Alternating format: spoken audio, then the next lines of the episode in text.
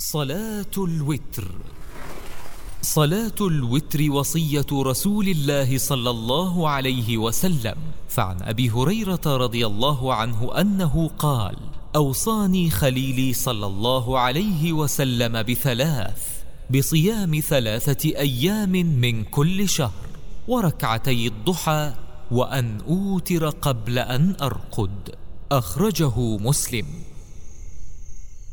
قل هو الله أحد الله الصمد لم يلد ولم يولد ولم يكن له كفوا أحد.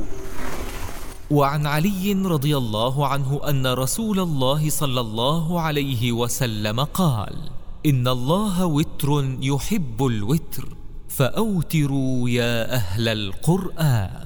أخرجه أبو داود وصححه الألباني. كانوا قليلا من الليل ما يهجعون وبالأسحار هم يستغفرون.